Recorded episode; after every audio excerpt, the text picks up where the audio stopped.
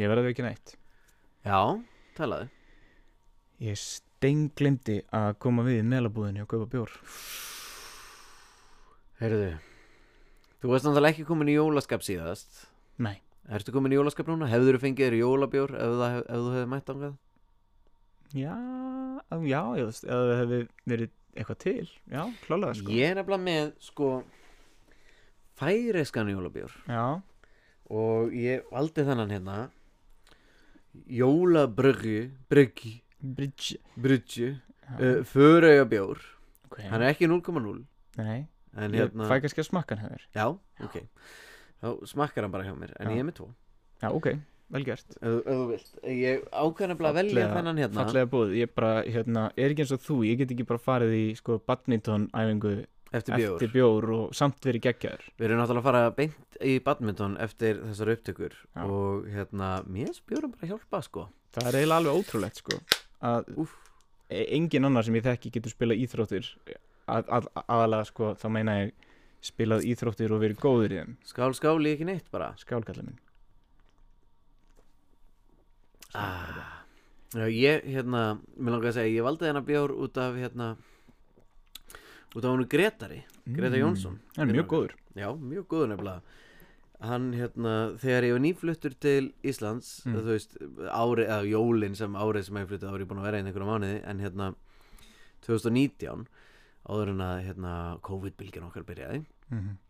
Þá, hérna, þá bauða mér í eitthvað svona færeist jólahlaðborð mm. og það, hann segist að hafa farið þarna á hverju einasta ári og ég var bara svona djöðlir ég spenntur fyrir að gera þetta á hverju einasta ári en síðan hefur það náttúrulega aldrei verið síðan Já, auðvitað þá þannig að þessi hérna er handa honum Gretari Skálgretar skál Gretar mm -hmm. Helvíti gott Helvíti gott ah, en þú heitir Atli Og þú heitir Elias já og samantölum við það að vera inn í út úr og við jaðarinn á kvikmyndabransunum á Íslandi Mikið rétt og í dag þá er erum við svona búin að setja staðins í desember komnum með jólabjór og Það er snjór kósí úti og það er ekki lengur snjór úti en það er klaki úti Það var snjóar, snjóað á leiðinni hingað já ok, ekki á Ég meðan ég kom náttúrulega hérna. laði þið tölvört fyrir að stað en þú að ég bý lengri burtu og ég er á hjóli þannig já, að já. Það var snjór þegar ég laðast það. það var allavega hægt að snjóa þegar ég laði stað en eh, velkomin til Þess vegna varstu líka seitt. það var náttúrulega bara já, skiptir ekki máli en hérna, Já, þannig að við erum svona í cozy feeling núna. já, þetta er svona cozy feelingu Kanski ekki alveg komnir í jólafíling en við erum í cozy feeling. ég er búin að henda upp jólaskrauti ég Nú er henda það? upp jólalest í kringum jólatréð og Ok, alveg bara mega cozy feelingur ég á samt eftir að kaupa allar jólagjafinar já, það er svona stressið eftir að koma en, Einmitt. hérna, en ég er bara að reyna að klára eitt verkefni á, á, áður en ég geri það já, svo verður ekki aftur á hérna, þorlagsmessu. Já. Já, Já. ég nenni því ekki sko Nei. Ég, ég hérna, byrjaður á jólarringgerningunni en ég ætla að gera hana fyrst sko áður en ég skreiti. Þú byrjar náttúrulega í stúdíó íbúð allir Já, ég byrjaður á henni. Það Þú byrjaði í veist þú gær. ert búin að hérna, taka Og- eldusið, þú ert búin að setja í velina Ég setti vélina, já, um, Þetta, og Guðrún, hún skúraði. já, Það var eina sem við komumst í gegnum í gær. ok í gerðkvöldi Já eh, Vel að sér vikið bara Já, ég meina, Já. þú veist, þetta, Það þetta er betra en í fyrra er Já, Í eitt Fyrra skrifi varst ekki búin að setja í velina þegar ég kom í jólaheimsók sko Eitt skrifi einu ha, Jésús Í kjólinn fyrir jólinn Það er ekki eitthvað Jú, eh, hérna eh, í, fyrr, í fyrra þá tókum við Mhm. mynd upp svona jólaþátt Já, þar sem að þetta, þetta, kannski munum við taka upp einhvern annan jólaþátt fyrir jól en Mhm. Mm, þetta, það ég verður, myndi ekki segja að þetta veri jólaþátturinn okkar Þetta er Nei, meira en- svona uh, þú veist, þegar við gerum eitthvað svona að því okkur langar að gera svona Christmas special þar sem Mhm. við fáum hana Sasi Mhm. um, sem er náttúrulega uh, vinnur hjá Trú Norð og bara Mhm. svona fáið svona þáttar sem hún er bara svona að segja alls konar sögur og eitthvað og- bransasögu þáttur Já, svona bransasögu þáttur eitthvað Kekja. Og á ennsku á ennsku Já. af því að hérna, hún talar ennsku þó hún skilji íslensku já, sem þýðir að mjög mikið af okkar uh, vinum, enskumælandi vinum geta loksins hlustað á þáttin okkar ah, sem hafa ekki geta hlustað á hann hingað til það getur verið gaman Ah, Það er skemmtilegt element já, við vorum náttúrulega fyrst með podcast á ennsku Já. Fresh to LA Fresh to LA Það var meira stuðið Ég get þetta mjög, það var þegar við vorum ferskir eh, í LA Já, ja, Vorum bara- nýkomni fresh 2 vorum við ekki bara að taka þetta upp á mikrofónunum á tölvunni eða eitthvað þannig við settum bara tölvuna á kaffiborðið og svo bara Í- sátum við í stofinu og drukkum bjór og Ég kjöftum. man það ekki, þú varst, jú, örugglega eitthvað Það var eitthvað svoleiðis. Já, ég þurfti að setja miklu lengra frá tölvuna því ég talaði herra en þú, man ég Ég man því. Og hérna, þú veist alltaf svona að færa mig einu skrefi Já, lengra já, svona halvun rass, svona lengra til hægri já. Akkurat. Ég man eftir því. En Um, já, við tókum þess upp svona, þú veist, það var svona a year in review Þú veist, að á því, síðast ári já, á síðast ári einmitt. Og það er aldrei það sem okkur langar held ég að gera hér af En- Því að, en við skulum samt taka það fram að við gáum aldrei þann þátt út af því vegna að þú þess að- týndir honum. vegna þess að ég týndi honum en líka vegna þess að við sko um, ætliðum að láta þáttinn heita opnist ekki fyrr en hvað var það, 2021 eða eitthvað svona Já, var það ekki eitthvað svoleiðis? jú, eða þú En veist eh, þetta átti að vera eitthvað svona tímahylgja já, já, þáttur einhver tíma, já, eitthvað svo leis Þú veist, það var væntalega 2003 og þá myndum við opna hann Mm. Nei, nei, nei, ég mann hvað þetta var Við tókum hann upp í byrjun 2020 og sögðum opnist ekki fyrir 2021 Já, þannig við og gerðum ætliðum að engin gefa hann út 2000 2021 Já, sem gerðum við ekkert, já, já, en svo týndi ég hann bara já, já, af því að það er þannig við mig að ef að ég kem ekki eitthvað einhverju á réttan stað strax já. þá sé ég það aldrei aftur Nei, akkurat það er svolítið Ert þú svona gæði sem ert með hérna, allt á desktopinu Alveg svona 100 hluti á desktopinu í tölfunni sjá, sjá desktopið mitt Ok, núna. ég kíki ég veit að hlustendur get ekki séð Já. það Sérðu, þetta er desktopið mitt Já, er þetta bara- er þetta mikið mess mess, þetta er bara þetta er ræðilegt, þetta er Já. hryllingur Ég er bara með tvo hluti á mínu desktopi Já.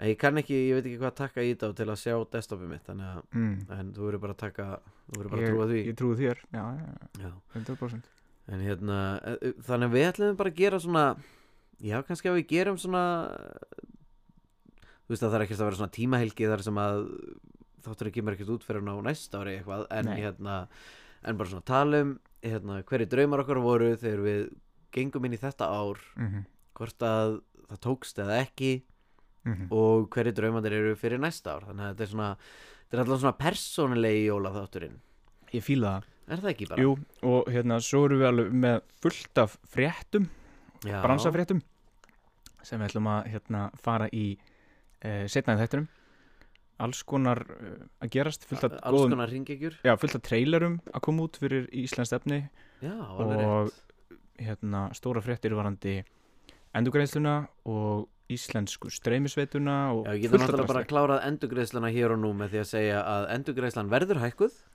en við veitum ekki um hversu mikið Já, takk fyrir að drepa það einslega Frábært En- Herru, þá en síðan er ég styttist með eitt afturinn um skemmtilegt. korter En síðan er ég með eitt skemmtilegt Já, hvað er hérna, Eitt sem að þú veist ekki sem að ég ætla að geima til lok þáttarins bara svona Mm. fyrir þig Ok, Það er hérna að því að við fengum fanmail fanmail Fa Hún kallaði þetta fanmail Þannig að hérna Þetta var basically hérna, einhver stelpa sem sendi mér skilaboð á hérna, Atlo Elias Instagram síðun okkar Ok og þú veist við höfum fengið svona Þetta er þú bara að fá okkur DMs á Instagramin okkar Ég er á Facebook, ég fæ ekki neitt Nei, að, Þetta er þú heppin að því að Instagram er inn allir Já, ég veit það Ég er, Facebook, ég er hver- svo gamall maður, ég, Instagram er inn Já, en hérna, passvorti var samt eitthvað sem að þú áttir að muna líka ég man ekki hvað það var samt, þannig að ég get ekki lokað mig út úr því en allavega, hérna áhugavert um, hvað ætlaði að segja, já hún sem sagt, ætlaði að skrifa okkur e-mail sáðan, mm Mhm. skrifa alveg svona einu og hálfa blaðsíðu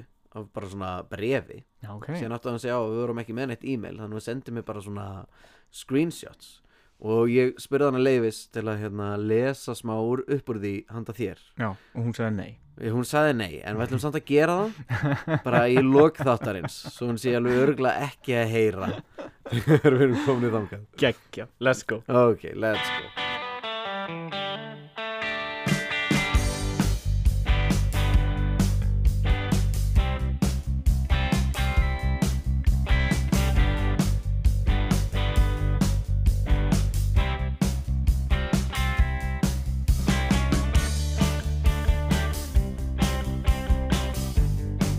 Já, djöfisins ár, djöfisins ár what a year, what a year S- setjum okkur nú bara aðeins í tímavelina hérna og hugsa um hvað var þitt mindset allir Óskar Fjálason Jan, 1. janúar 2021 manstu hvernig þú heitir áramátunum til dæmis? Sko, ég verða að viðkynna eitt Þessi tvö ár síðustu hafa runni rosalega mikið saman já, já, og af einni ástæðu sem ég held að allir viti Já, þú ert náttúrulega búin að vera bara veikur maður í tvö ár Nei, deyjandi maður hérna Nei, nei. Þetta verður kannski síðasta oh hlaðvarpið my god Nei, það, er- það er búið að vera heimsfaraldur Já, já. og það gerir það verkum að svona gæjar eins og ég, þeir bara halda að það sé alltaf sama árið og Já. þú veist, jú, þá koma jól og áramót og eitthvað sem er alveg gaman, en svo bara heldur áfram nákvæmlega sama uh, rútína, einhvern veginn.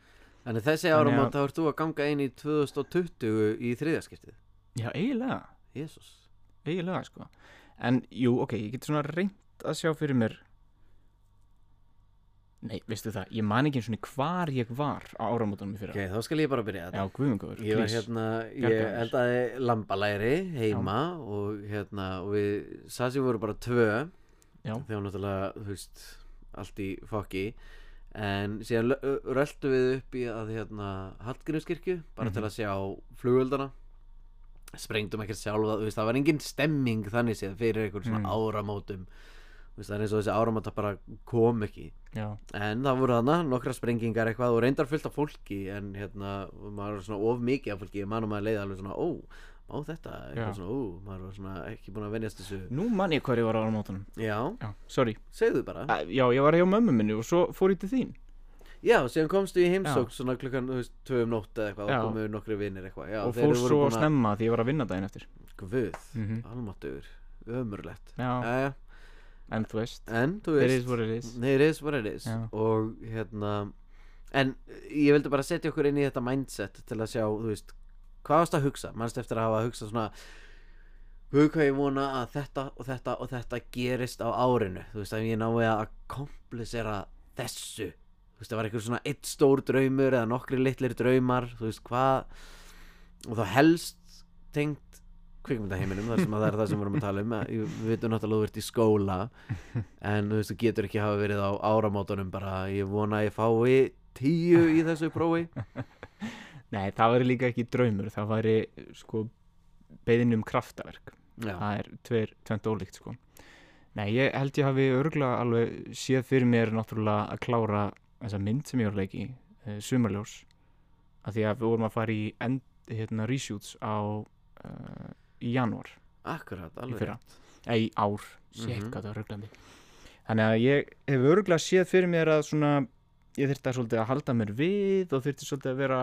pínu svona, já, í, í samfellið eða svona Já. continuity við hvernig ég var þú af veist því í ég var keto ég var komin í svo geggja form sko, síðasta, þar síðasta sumar þegar ég var að leika þannig að ég, já, ég man að ég fóri eitthvað svona prógram rétt fyrir jól, nei eftir jól já, alveg, eh, ég man það núna á mm, meðan á jólum voru þá var ég góður en eftir jól þá Já, ég man bara eftir fór ég þessu. strax í í eitthvað svona strikt diet aftur já, og hérna þú fegst þetta til dæmis bjór á áramótunum uh, nei, ég held ég hafi verið bara að drekka eitthvað svona 0,0 eða 2,5 eða það var bara eitthvað Ok. létt sko, en það var ég líka að vinna það eftir þannig já, að já, ég var ekki ég var hvort ég er ekki að fara að djama sko. nei, nei um, já, og tókst það, já, það tókst ok já, já, já. og vitum við hvenær þessi mynd kemur út Um, ég held hún kom út næsta vor næsta vor Já. og þau eru þá bara með að Maí, væntanlega á eitthvað svoleiðis. hérna, hvaða festival hún kemst inn á og svoleiðis, eða er búið að negla eitthvað svoleiðis ég bara veit það ekki Mm. ég, veit, ég held að hún að ég sko fari í almennarsýningar uh, næsta vor ok, þannig að það hlýtur að hún fari á einhver, hát, einhver hátíður fyrir það við eða vonum það samhliða, ég veit ekki Já. stundum, stundum kemur alveg eftir release það er, alveg- hefur alveg gerst já, já, allavega, þú veist, allar það er náttúrulega bara gaman þegar það er svona big premiere já, sko. hundra allir fara út og Það er geðveikt. hérna, En ég var alveg, já, ég oftast með myndir fullirlengt hef ég farið á hátíðir eftir að hún er frumsýnd heima, sko. já, já, ok já. Mhm. já. Af því að það hefur eiginlega engin áhrif á status. þú veist, Nei, að sína en hana þú heima. fegst þess að stóra premiere náttúrulega með þresti eða ekki, var það ekki premiere Jú. þegar þið fóruð uh, Það var Evrópufrumsýning þegar við síndum þar, eða sem þegar við síndum í San Sebastian á Spáni. San Sebastian, Já. alveg rétt Það var gegga. já, En- en, búin að fara í gegnum þá sögu Já, já, í þessum við erum ekki að tala um þáttum. það núna. En já, þannig að það var klálega eitthvað sem ég var að fara að gera og ég vissi að ég væri að fara að uh, Þú varst búin framlega að leika í George Clooney mynd maður Já, mikið hún rétt var að fara að koma hún, út Já, hún kom út bara um jólunni fyrra Já, hún kom út um jólunni Já, bara ég held að hann hafi komið út annan í jólum í fyrra eða eitthvað Ok, og hérna, þú veist, þú hlýtur að vera með einhverja svona drauma og vonir um að það myndi búa eitthvað til handa þér, þess að leikari Já, ég Æ, ég- þú veist, þetta er svolítið þannig að þetta, þetta er svona mikið til minni sem ekki törns og ég hef talað um þetta áður í dættinum að þú veist, þegar þú Ég er Gerir svona eitthvað svona- edduvinurinn, Þegar við vorum að tala við Ninnu Pálma um það Já, þú veist, Já. þegar þú gerir eitthvað stórt þá býstu Nei, við að Birnir hún afsakið Já, þú býstu við að lífið breytist svo mikið Já. skilur en jú, það kannski breytist eitthvað en það breytist aldrei eins mikið og ímyndað er þannig að þegar þú ert búin að gera ákveðið margar hluti og þú gerir einn í viðbót þú veist, munurinn á 20 og 21 er svo lítill en munurinn Já, á já. 1 og 2 er svo stór skilur En Þannig þetta er að- náttúrulega George Clooney mynd sko. Þú veist, Sure, hann var, já, og já, já. já, lítið hlutverk Já, og allt þetta já. og svona, en þú veist ég var allavega persónulega spenntur fyrir því Já, það er að gott. sjá hérna, Það er gott. þú veist ég var alveg spenntur en, en ég var líka raunsær Já, skilurðu. já. bara aðalega því að ég veit alveg hvernig þetta gengur, eða þú veist, ég tel mig vita hvernig þetta gengur fyrir sig, þannig ég var ekki að búast við því að vera eitthvað að fara að lappa rauðaldreilin á í Hollywood daginn eftir, skilur, þú Nei, veist, ég var, auðvitað ekki. ég var alveg á jörðinni, fattar það mig auðvitað Já. en hérna, ég ég held bara að það sem að ég hafi verið að hugsa var svona því að hérna, þú náttúrulega skust svona upp á stjörnuhiminin sem, þú veist, ullingstjarna -hmm. og síðan ertu núna fullorðin Mhm. og þá er það svona þú veist, það þarf þetta verkefni sem að fær fólk til að horfa á Mm. já, ok, hann er líka fullorðin Mhm. já, Já. hann er líka til sem fullorðin manneskja Það er en alveg ekki góð punktur, bara sko. ullingsleikari einmitt. og þá er það náttúrulega, þú veist, að Midnight Sky og síðan var náttúrulega sömarljóð sem ég var mjög spenntur fyrir en ég vissi ekkert mm Mhm. hvenær hún myndi koma út og það er náttúrulega mjög langt núna á milli en Já, kannski einmitt. verið það bara og, sú mynd og þú veist, ok, ég myndi kannski ekki segja ég var að leika úling þar, en ég er bara að leika eitthvað 20 ára gutta þar, þannig að það er kannski ekki beint svona, the, Já, þannig að það er fullorðins kannski meira útgáfan að af mér. halda en, já. en samt fyndið að skulle segja það, einmitt að því að hérna, Elvar Alsteins, leikstjórun í, á Sumaljósi, hann sá Midnight Sky, bara á meðan við vorum í þú veist, á meðan við vorum í pásu í rauninni, Já, og svo kom ég aftur í tökur og hann sagðist af að síðana og hafði ekki, nánast ekki þekkt mig út af því að ég er svo unglegur í tökum í honum og svo Já. var ég á skjánum orðin svona, þú veist, fullorðanslegur þannig að Ok, það var mikið mjög fyndið að hann einhvern veginn, ha- hann meiri sem var ekki einu svona búin að sjá, þú veist, transition já, sjá- transitionið, sko ok Þa, þú veist, Það er nákvæmlega þetta transition sem maður er að tala um Mhm. mm.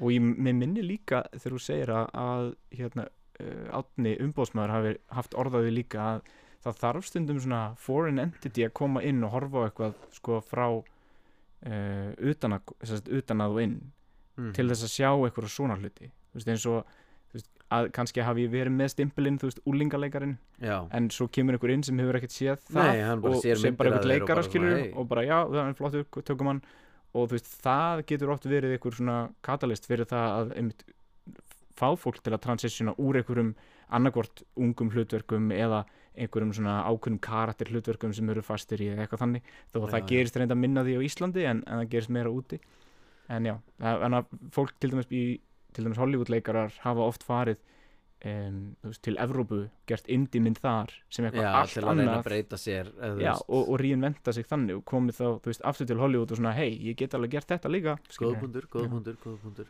en eh, þú veist, ekki það að ég hafi verið með einhverjar einhverjar grillur um það þú veist, Nei, að, nei. að það væri einhver, einhver stór Nei, eh, nei, hluti af, af mínu, mínum karriér skilur, Það en var það er einhver- ég líka bara þú veist, ég verða viðkynna það, ég er alveg komins á svolítið annan stað með leikaraferilin minn þú veist, hvernig ég hugsa hann skilur mig, þú veist, ég er ekki aktífli að reyna að íta honum áfram nei, þú bara leifir honum að fljóta þangar til að einhver þarf á þeir að halda það er eiginlega svolítið þannig og þú veist, kannski finnst fólki að leiðilegt að heyra en já, það er bara ég ég, já, æ, ég veit ekki hvernig ég á að orða þetta þetta er svona mér finnst ótrúlega gaman að leika mm Mhm. -hmm. ótrúlega gaman ekki miskila mig Myndur but I don't love it Það er einmitt það sem ég ætla að spyrja Er þetta ekki, þú veist, passjónið þitt lengur?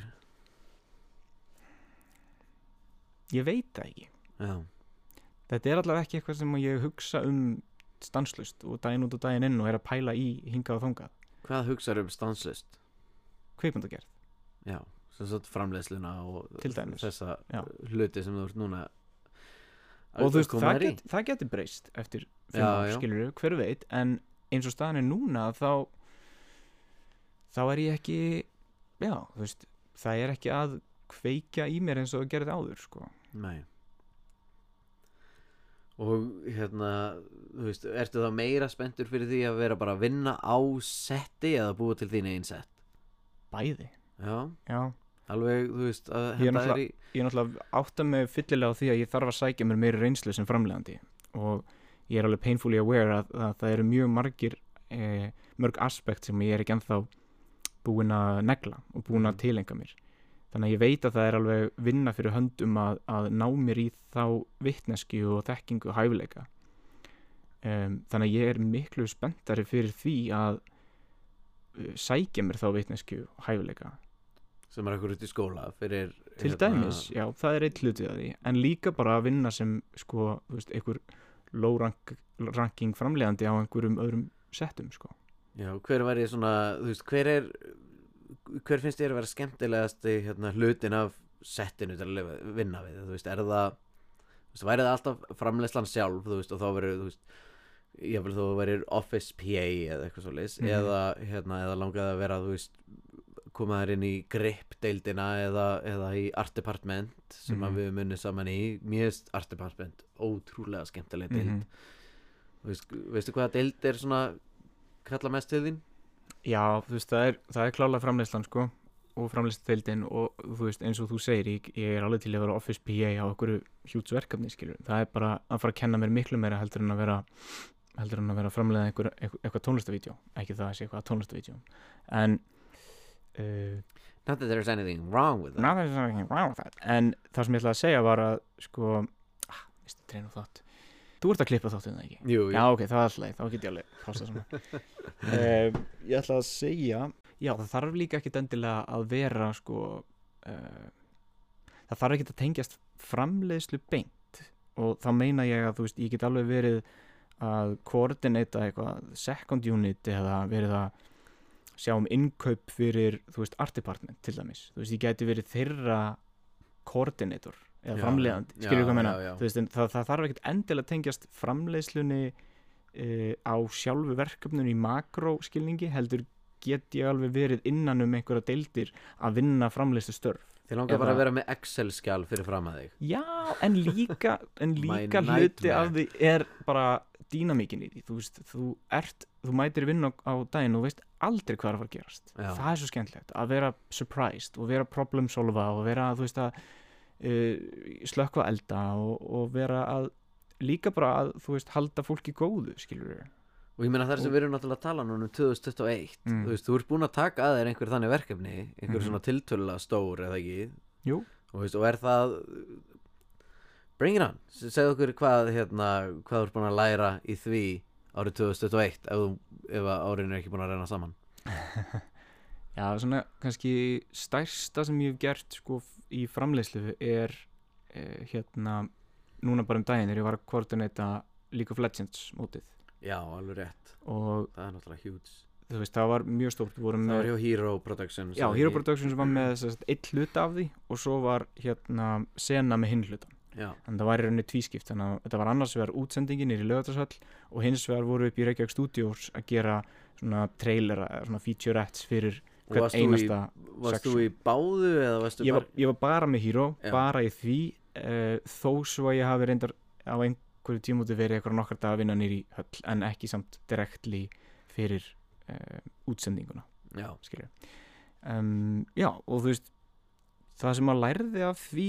var náttúrulega bara það, það var náttúrulega fyrst og fremst bara rosa næs sko stimpill að fá að þú ert búin að vera að gera þetta rétt hinga til skilur að því að ég er búin að vera að framlega mín eigin verkefni þar sem ég er að vinna með öðrum óreindum framlegendum og maður svona temur sér ákveðna uh, ákveðna vinnu hérna verkferðla og maður gerir hlutin ákveðin hátt og í gegnum þessi litlu verkefni er ég búin að vera að þróa minn, mína verkferðla hvernig maður eh, er, vinnur í undirbúningi, hvernig maður vinnur í tökum og í eftirvinnslu og allt það og það var mjög næs að vita að maður er búin að vera að gera eitthvað rétt skilur, að já, þetta er svona sem við gerum þetta líka, fattur það mig akkurat, akkurat þannig að, að það strax var svona ok, alright, ég er allavega semi á réttum stað og svo var maður bara að bæta ofan á það þú veist, ei, það er betra að gera þetta svona það er betra að gera þetta, þú veist, þetta specific verkefni er betra ef að þú notar, þú veist þessa taktík við það skilur og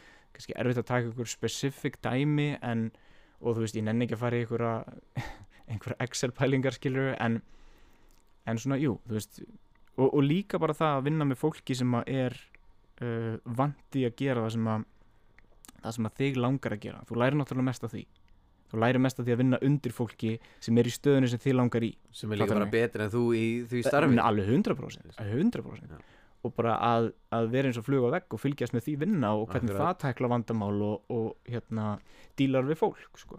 100% já, Já. nákvæmlega Guð Já, þú veist, þannig að þetta ári búið myndir þú álita það svona í heilsinni sem, þú veist, success eða já, alveg 100% sko. Já, þú veist, f- fannst þér þú ná meira, fá meira út úr því en þú átti von á í janúar, basically.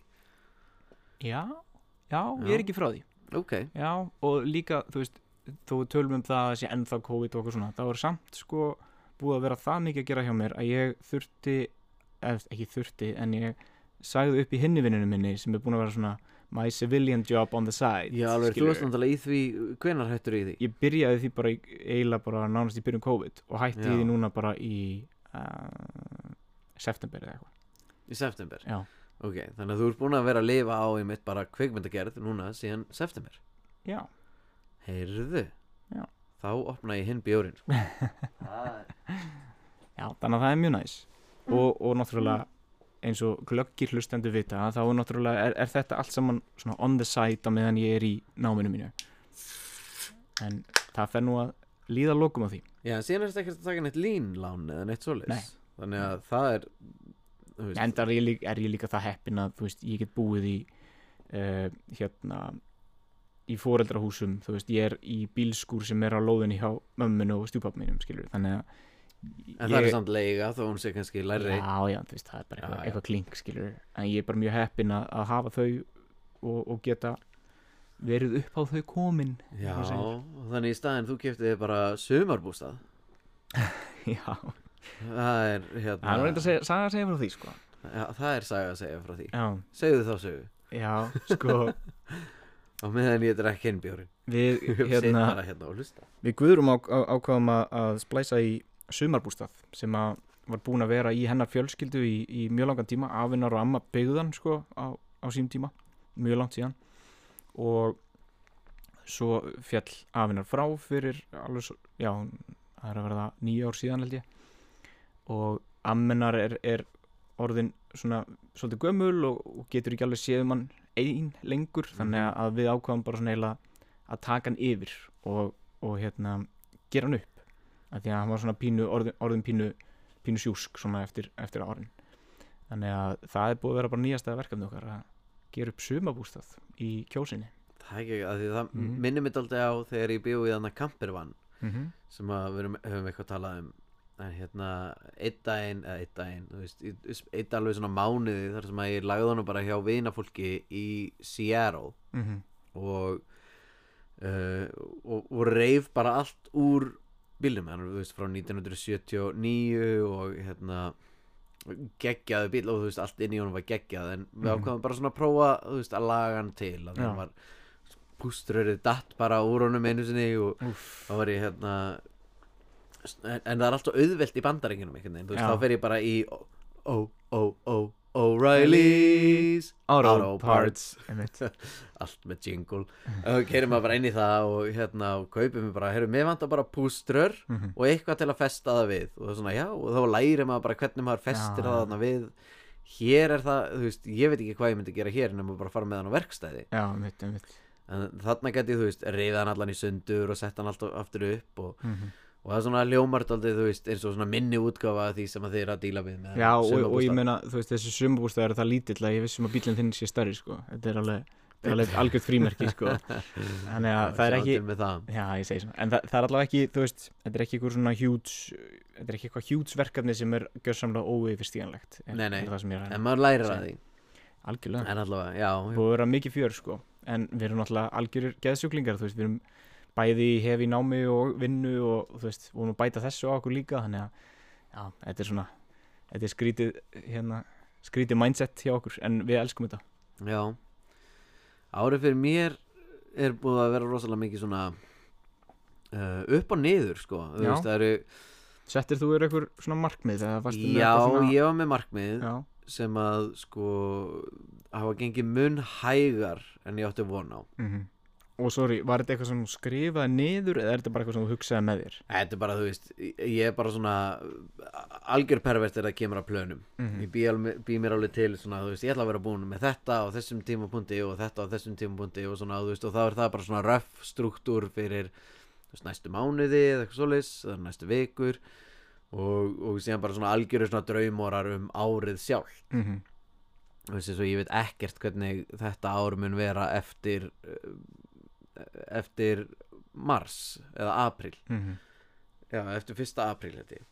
Og þá er ég bara, þú veist, bara opið fyrir að sjá hvaða verkefni poppar upp að því að síðan er ég, að því senasta sumar þá datt ég inn í ný verkefni og þá fóru, hi- þú veist, þá fóru að hægjast alveg svona verulega á þessum stóru, stóru verkefnum sem eru búin að vera, sem áttu svona að taka yfir árið. mhm. Svo ég ætlaði að vera að klára þriðja draft af handriti núna en í staðin er ég að klára annað draft af því. Mm, ég skil.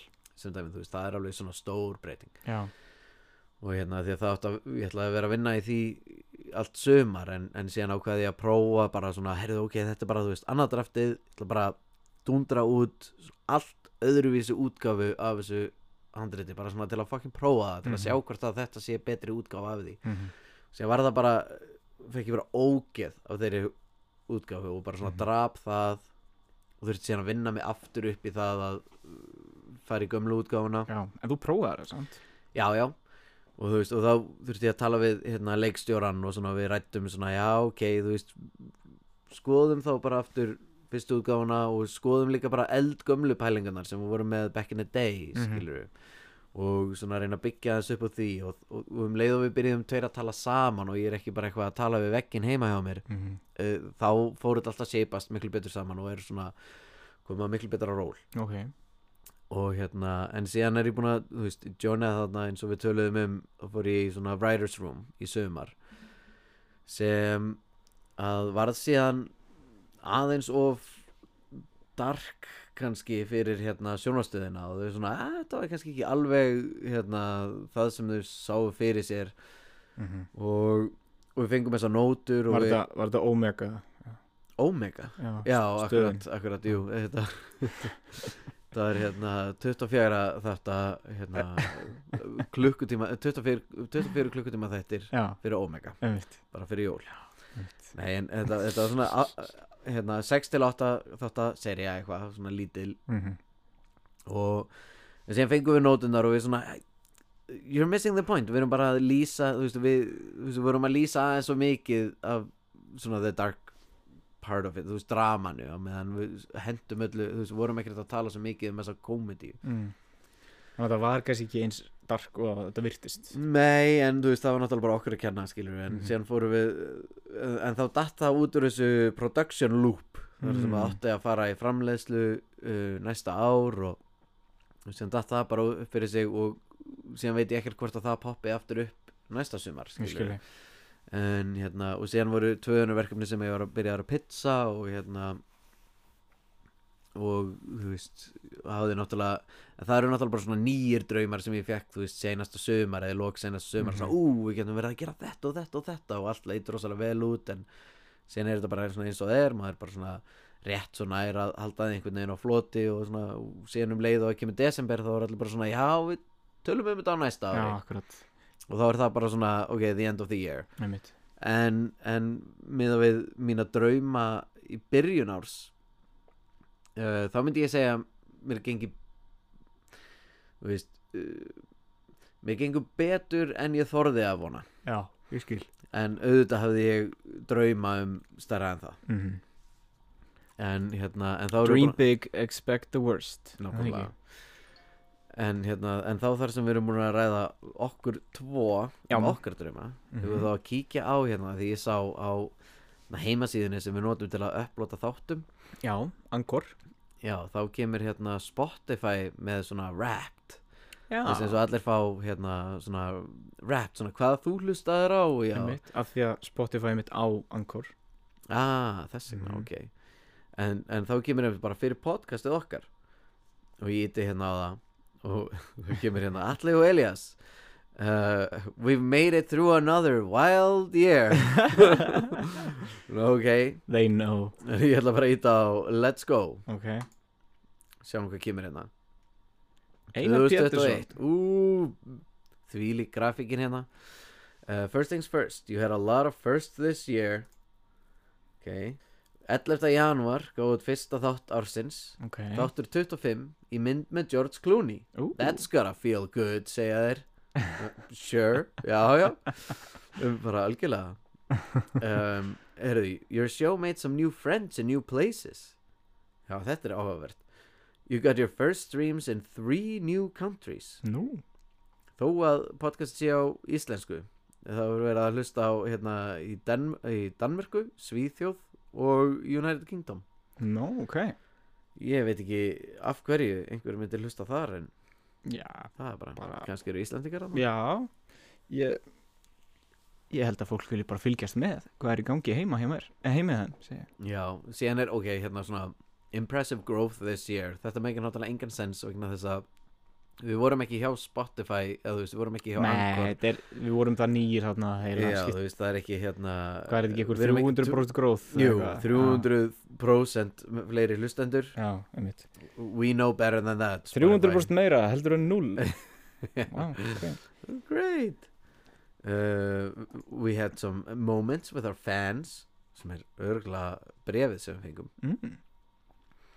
uh, Ú, 20 fans listen to you more than any other podcast What? Já, á Spotify líka Ok, Það er reyndar bara, ég er hissað á því þá hljótu við bara ekki að hlusta á podcast uh, Það er auðvitað bara þessi 20 mann sem að hlusta á okkur í Spotify að því að sem kemur 17 fans listen to most of your episodes Já, já, já En það er samt áhugavert fyrir þetta ár af Ég veist, því þannig, að- þannig að 17 manns hafa farið í gegnum næstu alla, alla þætt kategóri Já, Þú veist ok, líka það sem að var Gamla. Ga- Já, Já, þetta gamla það er impressive það er, það er 39 þættir, Það er Herðu, já, við erum með, í þætti 40 núna pældi því Hérna, bjóstu við að við myndum koma svona langt Ekki séns Samt hvenar helstu að við myndum halda áfram Mennur að hætta Nei, þú veist, hvenar vissuru að við ætlum bara að halda áfram að gera þetta svona, þó að við séum ekki að plana, þú veist, var aldrei eitthvað svona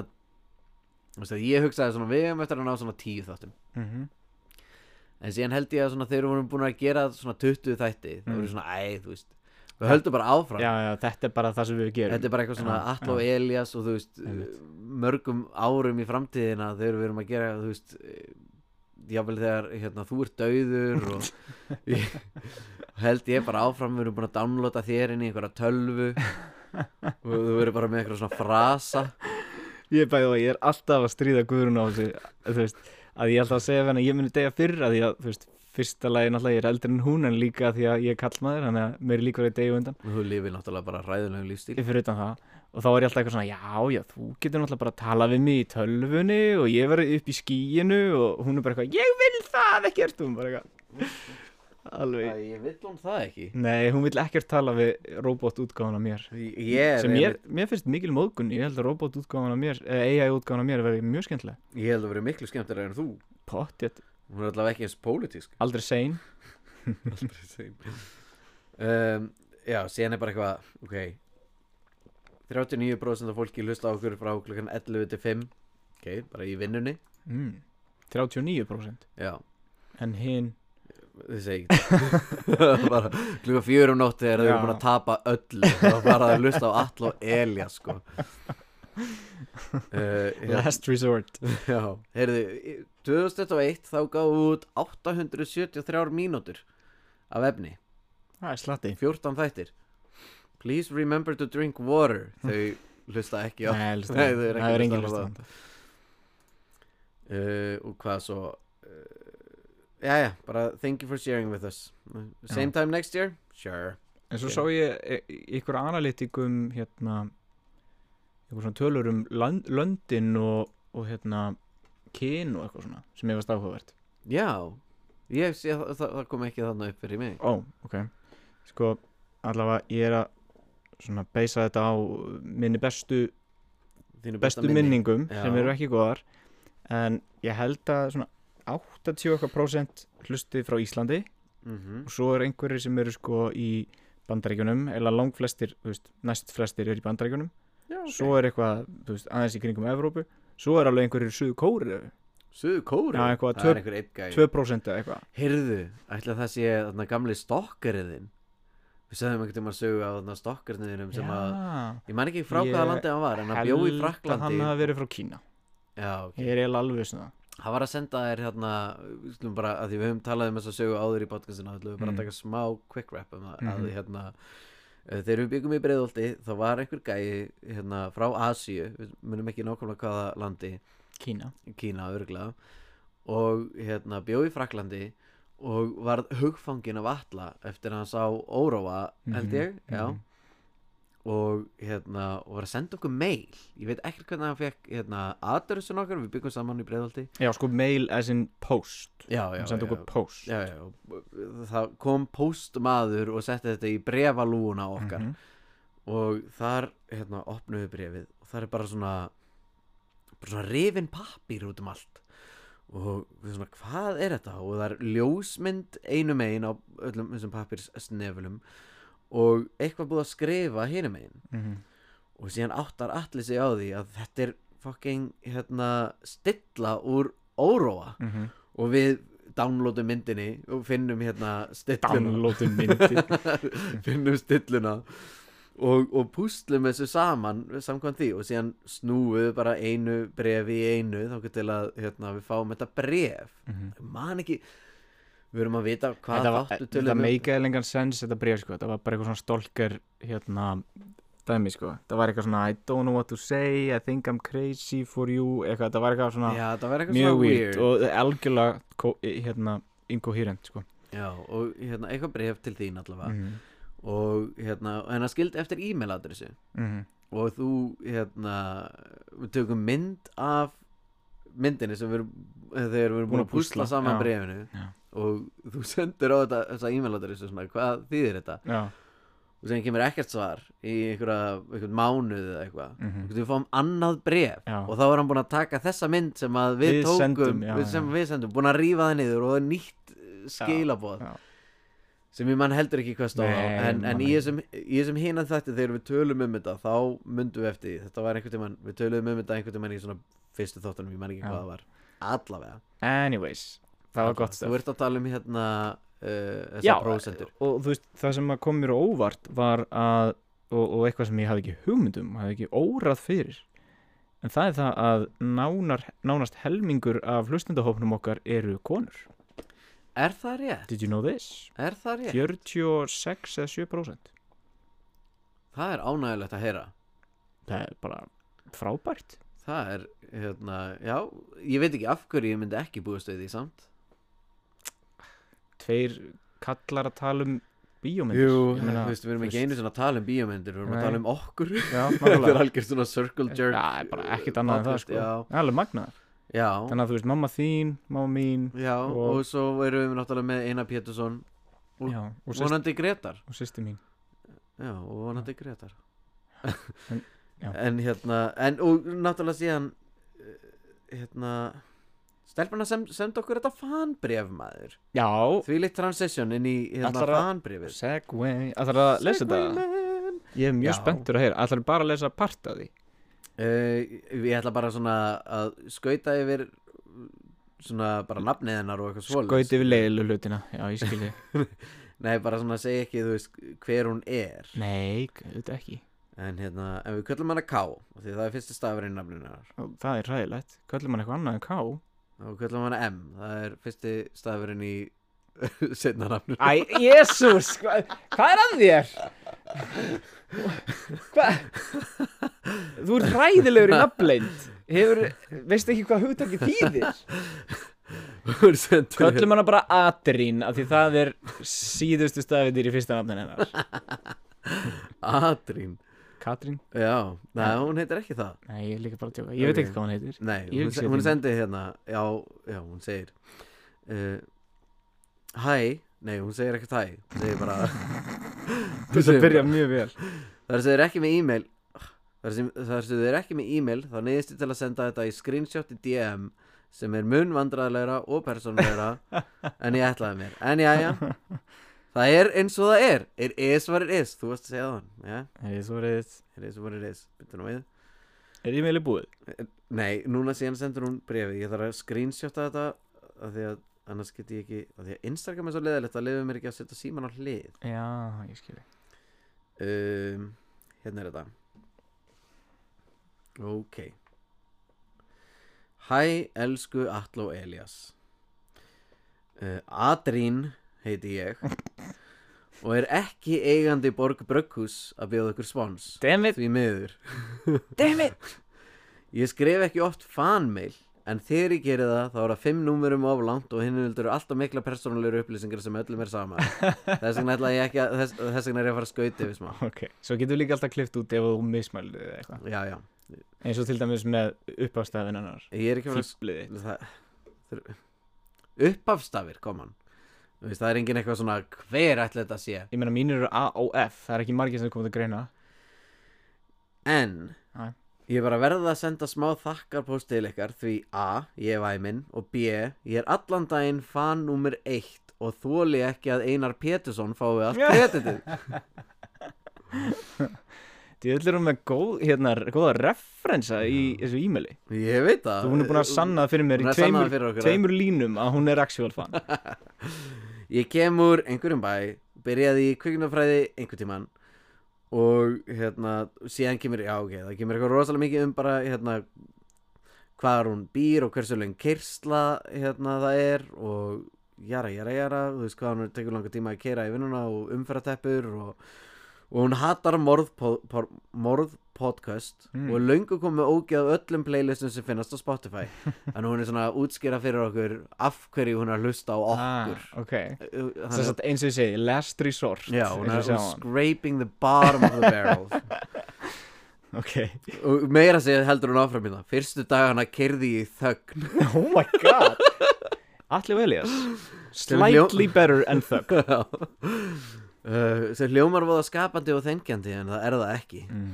Það voru orðið þreytt á þriðja degi Og ekki er útvarpið þá bætandi Jésu Kristur þarf alltaf að vera hausverkur okay. Allavega síðan heldur hún áfram að tala um hvað þetta er hérna. En síðan, hérna, ok, hérna komum við En þá, fyrir eitthvað kraftaverk Finn ég podcastið ykkar Ah, Ég man ekki einu sinni hvernig ég fann það Ég man bara eftir að hugsa að Hei, eru þetta ekki gaurarnir sem ég var mega skotin í í sjöunda bekk?" Óróa referensur glæð We'll take it, we'll take it.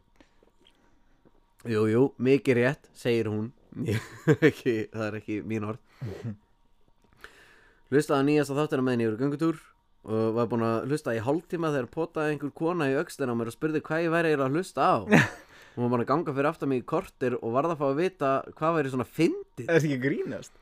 Ég ætlaði mikið á að ég hefði verið að hlæja upp hann eins og asni Ég held ekki að við vorum fyndið podcast Erum við eitthvað að finna þér? Ég held Hún lítur að hafa hlusta á eitthvað random Þú veist, svona Eitt þáttur þar sem við erum að segja einhver að finna sögu Mm. Ég- við erum That ekki- one show. That one show no. Því ég man eftir að við fengum alveg svona nokkur komment Eftir einhvern eitt þátt Svona Hlusta á podcast eitthvað Þeir eru bara djöfulli fyndnir Og ég svona really Síðan mætum við hérna eitthvað svona þunnir næsta dag og svona Jæja, hvað erum við að tala um? Höldum að fram að gera þetta ömulega efni sem við erum að gera hérna í þessum bílskur Ekki, Allavega. ekki hallmálega sem bílskur. Pappi Nei. verður rosasár. Sorry, Já. þetta er frábær bílskur Já, sko. hann er mjög góður. hérna, Long story short Já, short Og fyrir að hlusta á all, alla þættina í öfru röð Og hérna Já, já, síðan eitthvað um HÍ Eitthvað svona persónulegt Og í alvöru talað Ég get ekki sagt ykkur hvað þessi þættir björguðu geðhilsunum minni All jokes aside Það var Já. þetta bara mjög erfitt tímabil hjá mér Og það að hlusta á ykkur bladra um bókstaflega ekki neitt Já, Basically dead on. Heyrðu, síðan inn í Svega, segir hún reyndar Basically bara Elias að mismæla sig í öðru hverju orði Og allir að hósta einhverju leiðréttingu út undan sér Það var það sem að fekk mig svo til að hlæja Í þessum langa tíma feel personally attacked. Shit, hvað þetta er Uh, eh, æðislegt. Ég var, já, síðan var ég að hlusta á síðasta þáttinn sem ég átti eftir að hlusta á og já, og, á meðan ég var að elda þegar Elias fyrir að segja söguna að manninum sem ég lék í lélugu stuttmyndina hann svo dó ég hló svo mikið að pönnukaka mín brann Take that, Einar Pétursson Þa, Það er held ég þátturinn sem Ég að allir held var að það. segja að væri svo Já, fyndnir já. En hún listaði hann seinast það er samt ó, En, það er svo góð saga en já, vá, eh, þetta er- Blessuð verði minning hans þetta er sko, þetta er indislegt Ég veit það, þetta er frábært og eins og ég segi, að því að það eru að koma jól þá eru við bara, þetta, við ætlum að leifa okkur að þessu þætti sé bara svona circle jerk sko, þetta er Þetta er ekki búið, sko Hérna. ó, ó, Nei, nei, eh, nei. sorry Guð, Þessir, hvað? þessir 40 klukkustundir sem ég er búin að eða með ykkur síðustu þrjá mánuði er meiri tími en ég veit með fjölskyldum og vinum samanlagt Mér líður eins og þessi bestu vini mínir Á, Er full með, meðvituð um hvað þessi setning er creepy En hey, it is what it is Adrín, við erum bestu vinnir Ok, það er svona kortið síðan ég sagði long story short Þannig ég ætla bara að halda áfram að lengja söguna En, veitum við, þá er ég komin á næstu blaðsíðu hérna Já, nýtt Eh, screenshot Já, nýtt screenshot Já. Ég ætlaði að segja bara áður en þú hérna, helst áfram Þetta, þetta hérna mm er hábúndur ársins Er það ekki? Jú. Þetta, mér Mér finnst finnst það þetta- rosalega fallegt Ég kann sko. rosalega mikið að meta þetta Ég vissi nefnilega að ég ætti ekki að sína þér þetta fyrir en að, hérna, fyrir að vera komnir aftur hingað Nei, í nákvæmlega, bílskúrin, sko. Vá. Það er miklu skemmtilega að gera þetta þetta svona. er geggja Uh, já, síðan er þetta bara, þú veist, endalösar þakkir eitthvað og um aftur kyrslunennar sem að, við ætlum ekki að segja því þá veit fólk hvað hann er að keira. En ástáþakki til eitthvað að knúsi bílskúrin eða kompuna eða hvaða krummaskuð sem þau eru staðsettir í at the moment. Ykkar besta vinkona, betri en Einar Pétursson, Adrín uh, sem er alls ekki creepy þó hún hafi skrifað 750 orða fanmail Adrín Þakka kellega fyrir að senda okkur bréf Mikið var þetta skemmtilegt Þetta var nefnilega skemmtilegt En ég, hérna, ég verð að segja, ég tengi rosalega mikið við þetta að, að dett inn á eitthvað svona podcast og bara svona lí, tengjast einhvern veginn bara svona einhverjum skrýtnum böndum við aðilann sem er að tala sem veit ekkert af, af þér en, en þú einhvern veginn fylgir skjörsamlega með honum og því sem hann er að gera. Ég dætti einhvern tímann inn á eitthvað svona tölvuleikja podcast Já, og var einhvern veginn, þú veist, sjálfur jú, í einhverju svona pínu lægð og, og bara einmitt á leiðinni í vinnuna og þegar ég var einhvern veginn með döðan tíma, bara setti hann í gang og bara gjörsamlega hjælt mér sein bara gaf mér eitthvað svona til að hlaka til og hérna ekki það ég sé að setja okkar þátt á okkur stall en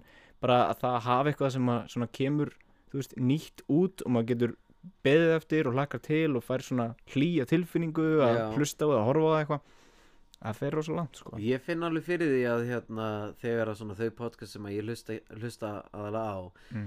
sem að er alltaf, þessi professional podcast eru náttúrulega alltaf að gera þetta bara viku fresti Mm -hmm. og þegar þau koma ekki út já, þá er ég alveg svona en ég ætla að þrjá húsið í dag já, einmitt. Hvað, ég get ekki þrifið húsið án þess að ég sé með þetta podcast Nákvæmlega, sko. Hvað er í gangi hérna? nákvæmlega en Já. gaman, Mjög gaman. Talandi um svona að hlusta á hluti, uh, ertu með Storytel? nei Ég, hérna, ég fekk 30 fría daga á Storytel. já, ég er búin að gera það sko ég tók það Já, einhvern ég gaf þér náttúrulega 30 daga, eða ekki? tímann. Eh, Ég var með einhver svona nokkur kort, svona, svona Já. 30 daga frí. mann reyndar ekki eftir því en, já, ok. no, whatever En, hérna, uh, já, það er, þú veist, æðislegt að hlusta á bækur á Mhm. meðan maður er, hérna, í rektinni og labba um í Mhm. rektinni eins og ég sé eitthvað alltaf þar mjög sjaldan en hérna er, maður reynar að gera það þú veist u- u- þá er ég búin að vera að hlusta meira líka á íslenska bækur og svona mm -hmm. og hérna já, en maður verður nú að fá sér bókasafskort fyrir jólin já, já, bara, ég hef með bókisafskort ég veit það að því við vorum alltaf í kompani og ég Já. var alltaf svona já, ég á eftir að fá mér bókasafskort hvort þið er Mhm. fyrir það og ég það nota það aldrei sko aldrei nei, ég veit það kannski, miður. kannski þú eða hvað, hvað það, 200 kall já, það er eitthvað skýt lítið sko en bara maður þarf bara einu að labba þangað einu bækurnar sem ég les eru bara námsbækur Æ. sko, Já, miður ég hef bara ekki tíminn eitt annað ég er að lesa mávalátur núna já, Það er hérna eh, að ég, ég var náttúrulega þegar ég fekk eh, áður en ég fekk COVID mm þá var ég samt í hérna þá var Sasi með COVID og þannig ég mátti ekki búa heima hjá mér alveg ég rétt bjó einni á eh, mömmu minni mm -hmm. og mamma átti mávalátur mm. í bók og ég bara svona, já, ok þú veist, ég myndi eftir að hafa sé myndina fyrir löngu síðan Mm -hmm. vissi ekki einu svona að það væri eftir bók og hún er frábær Já, það ég ekki alveg elska að lesa þessa bók Mhm. og því hún er, þú veist, hvernig hún er skrifið hún er skrifið eins og hún gerist á þú veist, þessum tíma sem að myndin gerist eða sem að sagan gerist Mhm. sem er, þú veist ég man ekki eins og hvaða ár en hérna, Man það ekki heldur en fyrir langalöngu þú veist. Fyrir langalega Í gamla dag já, í gamla Já. daga og en samt komum bara út, þú veist, 2000 og eitthvað mm glæsileg bók, en Gekkja við vorum með eitthvað meira til Já, að tala um Hérna, ég ætlaði að hoppa í smá fréttir uh, til í fréttir Fréttir, fréttir Dam, dam dam, dam, dam, Hérna- dam, dam. uh, Hér er ein um kveikmyndamiðstöð og streymisveituna þeirra, nýju já, Yes.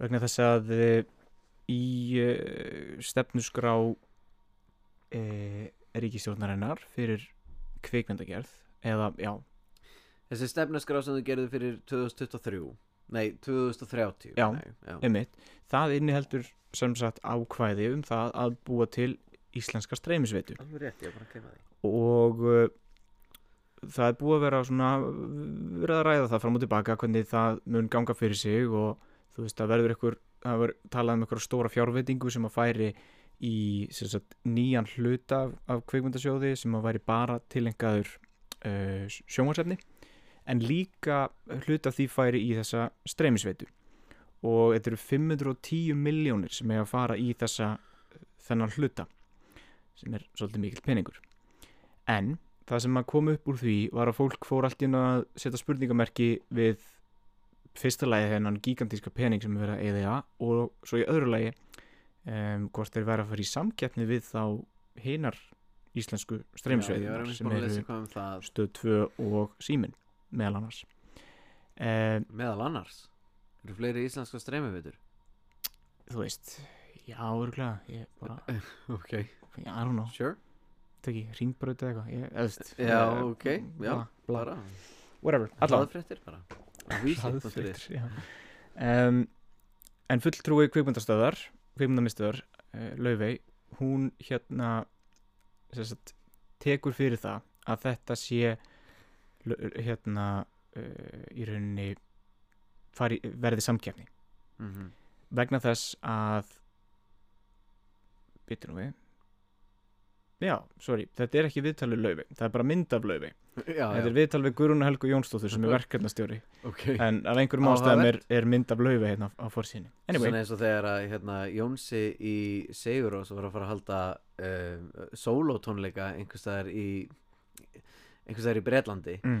og þegar hann mætir það var bara risastort plakkat af Jónsa í svörtum fötum nei, haltu kjátti er Nei. því að grínast það er allavega saga sem ég hef heyrt Það ég, er hef- ég hef ógeðslega ekki heyrt það fyndið. frá honum en hérna, það er ógislega veitðu það er ok Já, en sem sagt, afsakið, Guðrún Helga Jó, Jónasdóttir, verkefnastjóri hjá kvikmyndamiðstöð, hún segir að það sé bara einfallega ekki rétt heldur uh, að veitan sé sem sagt, aðkipt lausn sem muni kosta innan við 5 miljónir á ári. Þannig að megnið af þessum 500 miljónum er að fara í að styrkja sjónvarsefni, ekki í að búa til þessa veitu. já, já. Og... Og- þau eru ekki að fara að taka þátt í einni samkepp Nei, og ennfremur að þeir ætla ekki í samkeppni við, við engaregnar streymisveitur heldur á þetta að vera lausn fyrir uh, þá sem vilja sjá meðlans gamalt Íslandsefni sem er ekki til annars Fullkomið. staðar. Þú veist, þannig að þetta á að vera tengt við hvar sé ég máalátur? nákvæmlega, þetta á að vera tengt við sem sagt kvikmynda hérna, kvikmyndasafnið og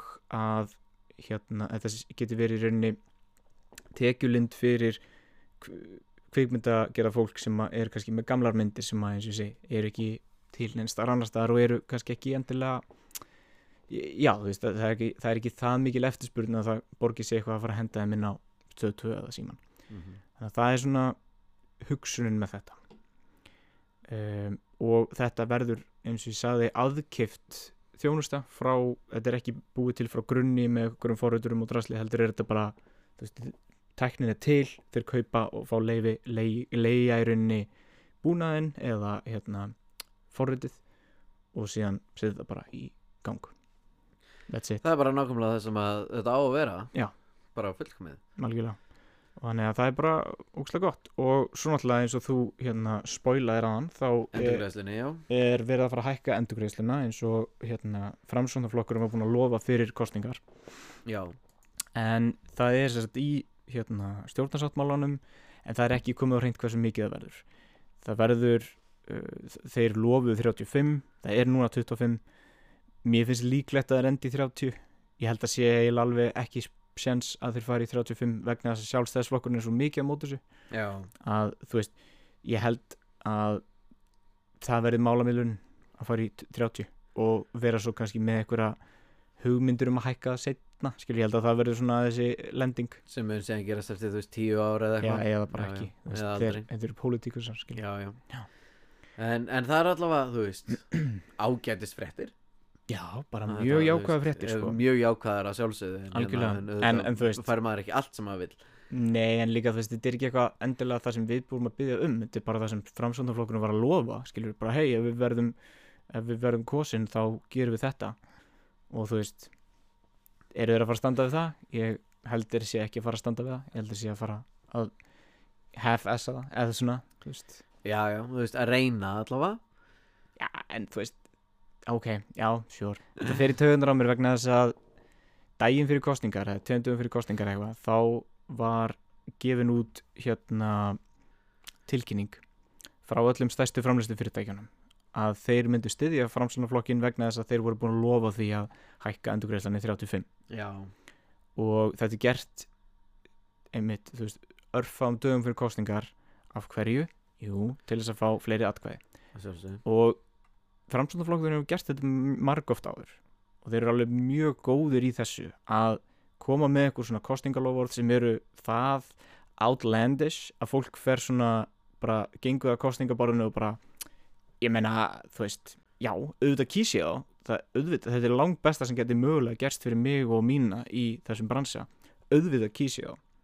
Svo komst þetta til valda og þá svona, "Eh, þetta er samt, veist, að við náttúrulega ráðum, ekki, sí- ráðum þess ekki sjálf og þú veist, við erum Já, að já. vinna með öðru fólki og þetta er alltaf einhvern veginn svona bakkað með þetta og svo að lokum, ég get alveg lofaði því, að lokum þegar það hækkut upp í 30 þá verður þessu hampað sem þvílíkum sigri fyrir íslenska kveifunda en enginn mun minnast á það að, að bara, býtu, heyrðu, fyrirgeðu ætluðu ekki að hækka til 35 voru ekki búin að tala um það, voru ekki fullt af erlendu framlustu fyrirtækjum búin að segja það að þeir myndu koma hingað og gera X og Y verkefni ef þetta verið hækkað í 35 núna þurfa þau ekki að gera það því þeir eru ekki búin að hækka í 35 eins og þau sögðust alltaf að gera heldur að þeir eru búin að fara hálfa leið af hverju þá að segjast alltaf að hækka í 35 til að byrja með þau getur þó ekki staðið við Já, það rand over Já, þetta var bara fínasta rand sko, af því að hérna, þú veist, við- við myndum fá svo mikið af verkefnum af því að við myndum drukna það er engin með hérna, þú veist að þeir eru allir með 35 Já. sem eru svona keppinautar okkar út í heimi Já.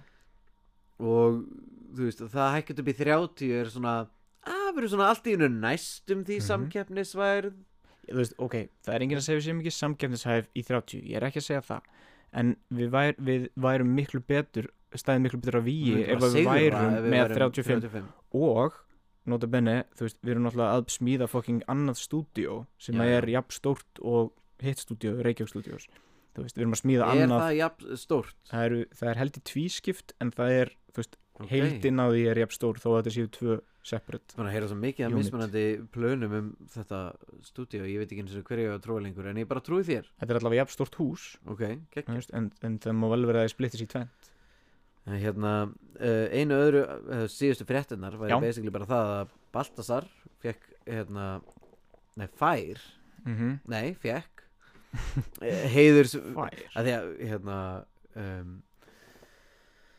fyrirsögnin segir fær heiðurs viðkenningu Já. heiðurs viðurkenningu frá En er það, forseta ekki, Íslands er það ekki bara fær as in, þú veist, þegar hún Jú, ver- þau jú, hann verða fær veitt? það bara, jú, jú, auðvitað En er þetta ekki bara hérna En þetta eru útflutningsverðlaun fyrir hérna og Já. þá hlaut Baltasar Kormakur heiðurs viðurkenningu fyrir eftirtækt að verð störf á erlendu grund, erlendri grundu sem að Ok. ég held að engin Íslandingur hefur uh, Já, ok, það er engin íslensku fyrir- kveikmynd að gera maður fyrir ekki, það er búið að, að veita þessi velin Ég held þetta væri hérna það sem hann veitir alltaf í eh, hérna, rétt fyrir áramót en það er fálkaorðan eða Nei, fyrst, já, já, fyrsta þau, þau voru janúar veitt hérna uh, í lok november Þessi, já, Já. já, einmitt og uh, hér stendur bara meðal fyrir verðlun að hafa eru meðal annars frú Vigdís Finnbóðadóttir Helgi Mhm. Tómasson listanstjóri stjóri og Björk mm Þannig að það er bara rosalega frábær stall sem að hann fara að setja á hérna í lok árs Briljant það er bara, bara, bara gefa hann það þú veist, Já, bara að sjálfsög ég geggjað, meina, hann er búin meina- að vera að gera þessa þessi bandarísku verkefni já þú veist hann, hann hefur Út um náttúrulega búin að hann er náttúrulega búin að vera algjör champion fyrir íslensku kveipmundagerð á erlendi grundu búin að Akkurat. koma með fullt af verkefnum hingað og vekja þú veist aðtigli á íslenskri um, á, á í rauninni íslenska krúin já, og þú veist búin að, að svolítið beina sjónum að því hvað þeir eru e, e, krúið er hérna sjúklega þjálfað og, og þú veist með góða standarda sko akkurat þannig að hann á klálega lofskil fyrir það og náttúrulega líka að vera að smíða þessi stúdíó já, ég meina það er, það er náttúrulega huge hérna fyrir okkur og hérna, þú veist, hendut hann var að ljúka við ó, eða þú veist, eh, hann var ekkert að ljúka við en ófærð þrjú var að ljúka sýningu og þú ert búin að vera að fylgjast með Já, ég er reyndar ekki búin að horfa síðan bara að ég horfði á fymta þátt þannig að ég er, hef ekkert nýtt við að bæta og síðan, varst í að segja senasta hérna í þætti senasta þætti að Já. þetta væri ekki eins slæmt og fólk voru að segja og, Nei, ég sagði það ekki eins og ég sagði bara að þetta væri bara mjög fínt já, akkurat þannig að þú ert bara spenntur fyrir að halda áfram væntalega, Já, já, bara þegar prófum klarar þá, geggjað þá hendi ég mér í þetta ég er búin að kíkja á síðasta þátt sko yeah. Horfður bara á síðasta þátt Nei, ég horfði á svona nokkra bara í gegn Ok, en hérna, en ég horfði á síðasta þáttin ok, já, eða svona, þú veist, Já. hluta af honum ekki, ekki spoila Nei, ég ætla ekki að spóla hann einu, þannig að ég er bara spenntur að það sjáir. Já, þá getum En við- hérna- getum við rætt þetta En ertu búin að sjá trailerinn fyrir verbúð? Það, er einmitt, Það er það, búið það var lag. einmitt hérna, transitionu sem ég ætlaði að gera Mm, hérna, þú veist, vel að nú, er, gert. nú, nú er þessu lokið og, og við erum að fara að tala um hérna, þú veist, hvað kemur næst Mm -hmm. og verðbúðin, verðbúðin. Guðminn almati, ég, er búinn að vera, ég hef sagt þetta oft áður í þettinum Mhm. að hérna, þú veist, ég hef bara búin að heyra af fólki sem hef búin að lesa eitthvað af handritunum hvað þetta var geggjað stöf Mm. og fuck já, ég er bara mjög spenntur, ég er, ennþá, ég er alveg jafn spenntur og ég var fyrir þessari seríu Mm. Ég veit, Mhm, ég nefnilega hérna, bjóst ekki við því að það væri svona komist Ég Nei, er náttúrulega ekki lesin eitt af þessu og, og veit í rauninni fóða lítið um þetta nefnum bara að þetta var þú veist, ég, ég veit þetta er perióta og veit þetta fjallar um þú veist, verbúð, skilur en já, ég hafði ekki hugmynd um þetta er þetta svona svona komist, ég held að þetta væri miklu meira drama, sko ég held það nefnilega líka Já. uh, Ég var bara búin að heyra, þú veist, og þetta er svona áhugavert dæmi að ég þekki engan sem hefur séð þættina Þú veist, um, ég er búin að vera spenntur að heyra svona hvernig Já, er þetta já. í raun og veru og eitthvað svona og það er bara svona, ég er búin að sjá neitt þú veist. Já, þannig að þú ert búin að vera að tala við þína Já, insidera sem að eitthvað eru svona inn í reyna að sjá hvort þetta sé, þú veist, eins gott og ég er að búast við Já, og hérna og þú segjast bara hafa séð einhverjar nokkra senur og Mm. þetta er rosalega mikið bara já þú veist er bara ógeðslega spennandi ég er, Mhm. veit ekki neitt Nei. og ég er bara mega spenntur fyrir að segja þetta þetta væri geggja og þetta kemur 25.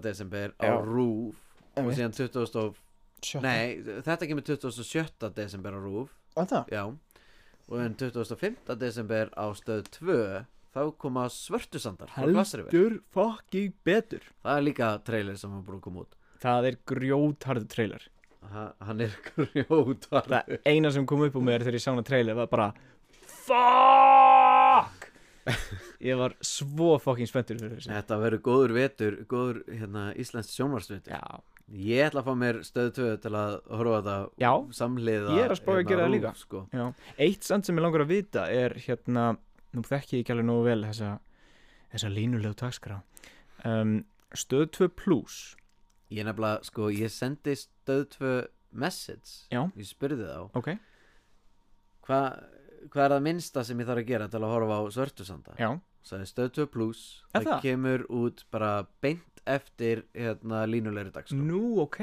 mm Þannig að það er bara nóg Það er bara nú Og það er bara Það er það sem maður segir fjögur þá á þús- Facebook Það er fjögur skall á mánu Já, ekki svo leist Já, En maður þú bít, veist, býtur það alveg í nokkra mánu Já, Já, horfaðu á þetta í tvo mánuði já, Þetta eru átta þættir nákvæmlega Og hérna Worth it Já, og síðan alltaf bara, þú veist, dagur á milli þess og verðbúð Ég, Já, einmitt, einmitt þú veist, eh, hefur einhvern tímann verið svona mikið í gangi í íslensku sjónvarpi til að tala um Þetta er algjör veisla, sko Þetta er því lík veistla, Mhm. sko og svo ekki minnst á önju vinkun okkar sem að bregður fyrir þarna í trailernum á Svörtusöndum Herðu, hún leikur náttúrulega bara, hérna, hörku hlutverk þarna -hmm.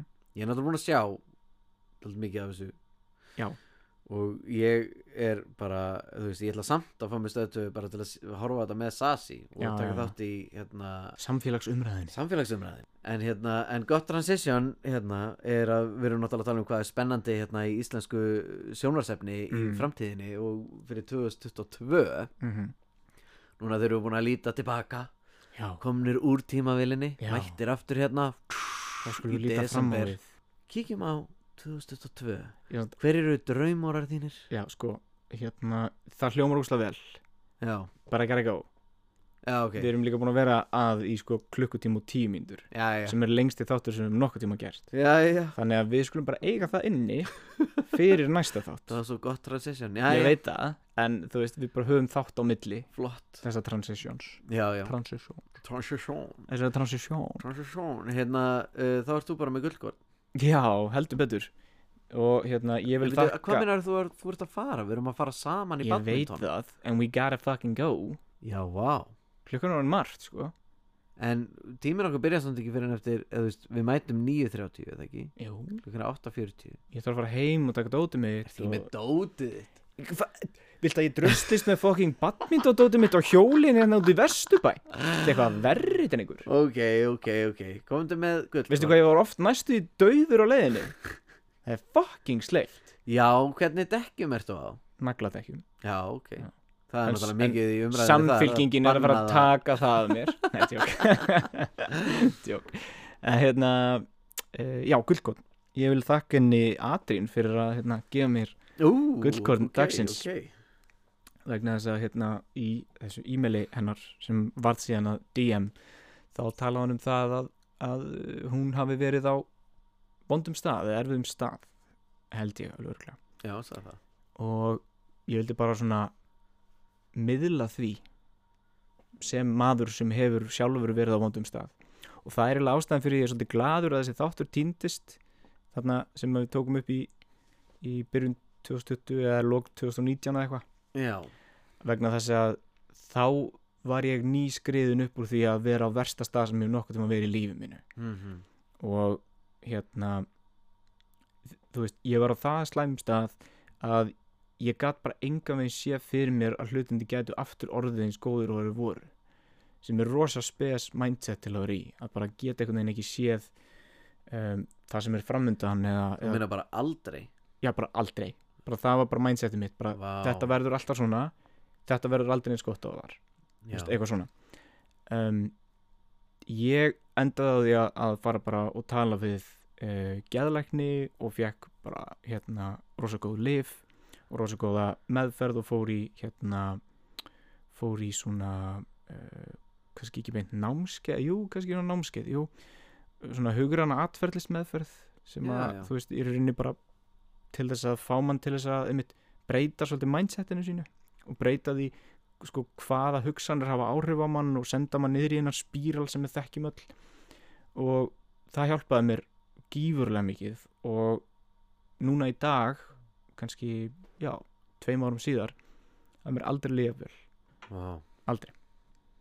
og þú veist, ég er löngu hættur á þessum livjum sko, þannig að þú veist, það er ekki það Það er bara, þetta, var Akkurat. bara, þetta var bara tímabil sem að ég var bara Man eftir rosa þessu tímabili. low og þurfti bara á smá bústi að halda, þannig að ég leitaði mér hjálpar og, og hérna fekk hana og Og hvert leitað eru fyrir annað fólk sem að geti verið í svipaðri stöðu? það er hægt að ringja í 1717 sem er hjálpar sími Rauðakrossins uh, ef maður er þú veist, þungur og vill tala við ykkur og bara aðeins að venda en ég var komin aðeins lengra þannig að ég endaði bara að ringja í neðalínu Já, alveg rétt, já og það komu hérna uh, bara l- tveir lauruglumenn heim til mín og töluðu við mig og svo fór ég bara með þeim nýr á bráðamóttöku og þar fekk ég að tala við uh, geðleikni sem að bara rætti við mig og leiði mér að tala skilur, hlustaði bara á mig og svo reglulega eftir það þá fór ég að, þú veist, hitti hitti geðleikni, hitt, fór í þetta á þetta námskeið og bara smátt og smátt þá var þetta betra Hversu smátt og smátt, þú veist hvað Hvenar myndur þú segja að þú hefur verið komin aftur á svona stað þar að þú gæst séð fyrir þér að lífið yrði eins gott og það var og nú er það náttúrulega orðið betra en það var sko það er náttúrulega mjög persónubundið og, og þú veist allir fari í gegnum þetta mismandi en það sem hjálpaði mér rosa mikið var að fljótlega eftir þetta þá kynntist ég Guðrúnu já, og það var náttúrulega bara algjör himnasending að kynnast henni og þú veist eh, að hún væri til í að hérna að koma inn í mitt líf þó að ég væri í þessu ásikomulagi, skilur og það tók alveg nokkra mánuði já, tók alveg nokkra mánuði að, að þú veist, fara úr því að bara allt var svart þangar til ég var farin að sjá, sjá smáljós, skilur þannig að þetta var já, þetta var erfast sem ég gert og hún hefur verið alltaf engillin í já, bara Þessi. ég skil ekki en þá hvernig ég gætt verið svona heppin, sko og nú er þetta ennþá hefnari búin að byðja hennar jú, jú, hún sagði reynda nei en það röðu það í öðru podcasti Valdi hún hvað það hefur sagði já. ekki Valdi hvað það hefur verið slæmt maður. sko. Ah, Nei, ég hérna nei, þú þú veist, gerðist svo ef, heppin ef einhver hérna sem er að hlusta ef, ef ykkur líður illa ef að þið fi- ykkur finnst ykkur ekki geta að tala við fjölskyldu eða vini byrjið á því ef þið getið en ef ykkur finnst það einhvern veginn vera óþægilegt eða ykkur finnst þið vera búin að tala við þessu oft og einhvern veginn aldrei gerist farið og tala við fagaðila fa talið við sálfræðing, talið við þú veist, heimilislæknin ykkar bara reynið að gera eitthvað í því eða, eða byrjið einhvern vinn eða fjölskyldumælum um að gera það fyrir ykkur ef, ef þið eruð ekki með orku til að gera það. það er alltaf hægt að laga alla hluti þetta er aldrei einhver enda punktur og ef þið eruð í sjálfsvíks hugleðingum eða einhver sem þið þekkið ringið þá strax í 112 strax í dag já gleðileg fokking jól Gleðileg fucking jól maður Jú, Þetta eru svo sterk hérna gullkorn, þetta eru eiginlega demantskorn því að hérna því að við töluðum náttúrulega oft ö, þú veist, saman um Mm. einmitt þetta ástand þetta með þú veist, þú veist svona niðri mm og það var ekki eiginlega fyrir en eftir á þú sagði mér, þú veist, þegar þú sagðist hafa hringt í 112 að Mhm. hérna, að því þú varst ekki þú veist þú varst einhvern veginn bara ekki undirbúin til að fara alveg þangað Mhm. í þessum samræðum sem að við áttum einhvern veginn -hmm. og hérna, þannig að það var alltaf svona já, ok, þú veist, maður er svona já, þú veist pælaðið er svona, þú veist tjekka á þér og eitthvað svona og það er alltaf bara svona, já, þú veist, bara Mhm. bara pínu blúsaður já, akkurat sem var alveg skiljalegt fyrir þetta og maður tímabil set, mað setur alltaf upp smá þú veist, andlit, maður setur alltaf upp smá bros skilur og ef maður er búin að gera það of ofta þá getur maður það bara ekki lengur skilur og hérna the makeup's flaking já, nákvæmlega ég veit ekki hvernig við ætlum að detta inn í þessa átrá tónlist sem við erum með sem er náttúrulega svona brang, brang, og neina og eitthvað en við gerum það bara svona Já. og bara gleðileg jól og hérna við náum að gera einhvern svona Christmas special uh, fyrir jól vonandi Nei.